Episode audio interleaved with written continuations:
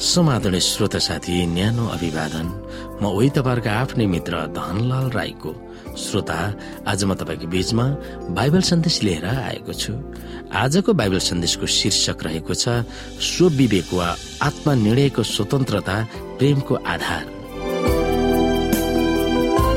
श्रोता साथी प्रेमलाई उत्पादन गर्न र त्यसको उन्नति गर्न र सम्वर्धन गर्न सुविवेक वा आत्मनिर्णयको स्वतन्त्रता कतिको महत्व छ भनेर यौनाले कसरी व्यक्त गर्दछन्?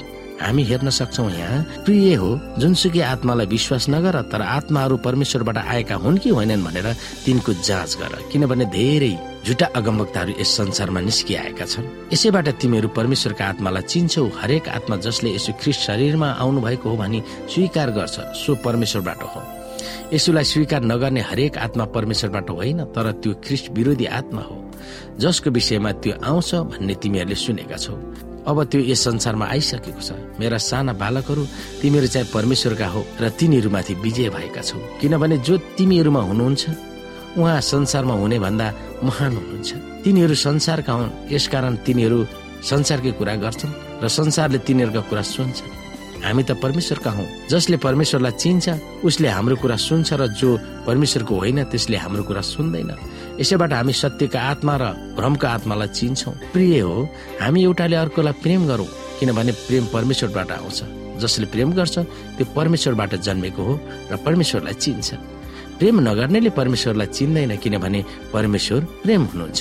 परमेश्वरको प्रेम हाम्रा माझमा यसरी प्रकट भयो कि उहाँले आफ्ना एकमात्र पुत्र संसारमा पठाउनु भयो ताकि पुत्रद्वारा हामी जिउन सकौँ। प्रेम यसैमा छ कि हामीले परमेश्वरलाई प्रेम गरेका होइनौ तर उहाँले हामीलाई प्रेम गर्नुभयो र हाम्रा पापको प्रायश्चित हुनका निम्ति आफ्ना पुत्र पठाउनु भयो। प्रिय हो यदि परमेश्वरले हामीलाई यसरी प्रेम गर्नु भएको हो भने हामीले पनि एउटाले अर्कालाई प्रेम गर्नुपर्दछ। परमेश्वरलाई कसैले कहिले देखेको छैन। यदि हामीले एउटाले अर्कोलाई प्रेम गर्यौँ भने परमेश्वर हामीमा रहनुहुन्छ र उहाँको प्रेम हामीमा सिद्ध भएको हुन्छ। उहाँले हामीलाई आफ्ना आत्माबाट दिनुभएको छ र यसै कारणले हामी यो जान्दछौँ कि हामी उहाँमा रहन्छौँ र उहाँ हामीमा रहनुहुन्छ। हामीले देखेका छौँ र गवाइदिन्छौँ कि पिताले आफ्नो पुत्रलाई संसारका मुक्तिदाता हुन पठाउनु भएको छ। जसले यसुलाई परमेश्वरका पुत्र हुनुहुन्छ भने स्वीकार गर्छ त्यसमा परमेश्वर बास गर्नुहुन्छ र त्यो चाहिँ परमेश्वरमा।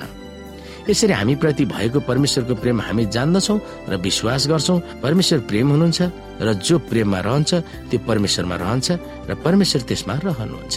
न्यायको दिनको निम्ति हामी पूर्ण भरोसा साथ बस्न सकौँ भनेर प्रेम यसैमा हामीमा सिद्ध हुन्छ किनकि उहाँ जस्तो हुनुहुन्छ। हामी पनि यस संसारमा त्यस्तै छौँ। प्रेममा डर हुँदैन तर सिद्ध प्रेमले डरलाई हटाउँछ किनकि डरको सम्बन्ध त दण्डसँग हुन्छ। अनि जो डराउँछ प्रेममा त्यो सिद्ध भएको हुँदैन। एक योन्ना चार अध्यायको एकदेखि अठार। श्रोता नक्कली फुलहरू शानदार र सुन्दर हुन्छन् तर तिनीहरू सक्कली फुल जस्तो बढ्दैनन् र फुल्दैनन् पनि। रोबोट वा यान्त्रिक मानवलाई के कुरा भर्ने भनेर पहिला नै प्रोग्राम गरेर त्यस रोबोटभित्र कम्प्युटर उपकरण वा चिप्स राखिएको हुन्छ। तर तिनीहरूमा न त जीवन छ न त कुनै भावनाहरू। कसैले माया पाउनु वा प्रेम गर्नु छ भने त्यसको उन्नति गर्नु छ र अरूहरूलाई बाँड्नु छ भने जीवित वा जिउँदो हुनु र आत्मनिर्णयको स्वतन्त्रता हुनु अपरिहार्य वा नभई नहुने मनस्थिति हो। त्यसकारण हाम्रो प्रिय परमप्रभुले लुसिफर समेत स्वर्गदूतहरू र मानव प्राणीलाई आत्मनिर्णय वा स्वविवेकको स्वतन्त्रताले दिमागमा सजाएर सृष्टि गर्नुभएको थियो।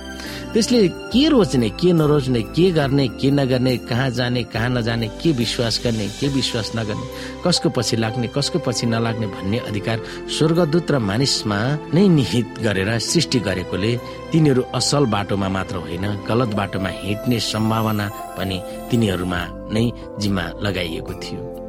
परमप्रभुले सारा जगत र पृथ्वीका जीवहरू सिद्ध मेलमिलाप शान्ति र सुखमय वातावरणमा सृष्टि गर्नुभएको थियो। कि विवेक प्रयोग गरेर प्रेम र ज्ञान बुद्धिमा बढुन् भनेर। परमप्रभु प्रेम हुनुहुन्छ र त्यो प्रेम आफ्नो प्रिय पुत्रलाई हाम्रा पापहरूको निम्ति बलि हुन दिनु भएर प्रकट गरिएको थियो भनेर योहन्नाले बताएका हामीले पढ्यौँ। त्यसको फलस्वरूप उहाँको अपार प्रेमप्रति आभारित भएर एक आपसमा प्रेम गरेर देखाउनु पर्छ भन्ने योहन्नाको चाहना हो। ईश्वरीय गुणबाट उत्पत्ति भएको त्यस खालको प्रेम हामीमा भयो भने परमप्रभु हामीसित र हामी उहाँसँग छौँ भनेर अरूहरूलाई बिना विवादीय प्रमाण हुन्छ र हामी कुन नीतिमा चल्छौँ भन्ने तिनीहरूलाई विश्वस्त पार्न सक्छौ। योहन्नाले सबै आत्मा दर्शनलाई विश्वास नगर वा पछि नलाग्नु भनेका छन्। जसले यसो नै प्रेम हुनुहुन्छ प्रभु हुनुहुन्छ भनेर स्वीकार गर्नेहरूसित एक हुनु भनेको छ। तर यसुलाई विश्वास नगर्नेहरूलाई भौतिक कार्यवाही गर भनेको छैन। इसाई भनेर दावी गर्ने दुवै क्याथोलिक र प्रोटेस्टेन्ट चर्चका अनुयायी अगुवा धर्मगुरुहरूले अरूहरूलाई जबरजस्ती इसाई बनाउन खोजेको र नबन्नेहरूलाई अनेकौं यातना दिएको कालो विवरणले विश्वको विशेष गरेर पश्चिमी देशको इतिहासले पोतेको छ।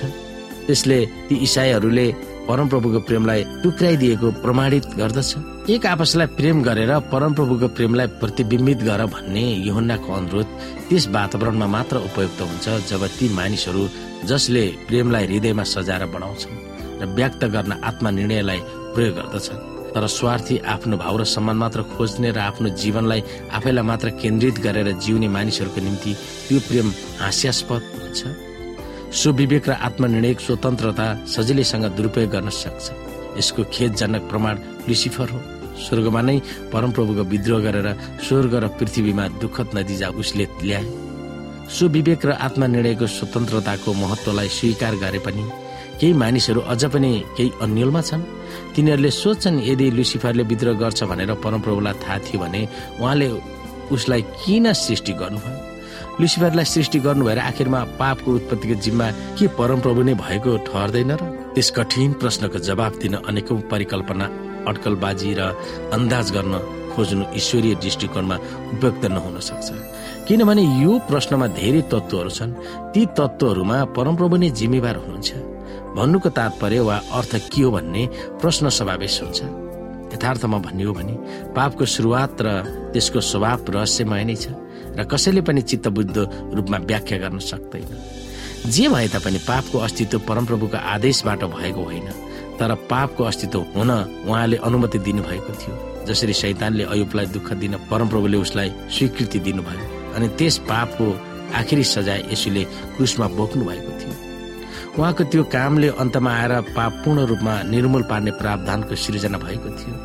पाप खराब दुष्टता र पीडाको चिन्तन गर्ने क्रममा हामीले यो बिर्सनुहुन्न कि पापको अस्तित्वको निम्ति परमप्रभु आफैले उच्चतम मोल तिर्नु भएको थियो र उहाँले यस्तो महाकष्ट पाउनु भयो कि त्यसको तुलनामा कोही पनि मानिसले कहिले पनि गर्न सक्दैन।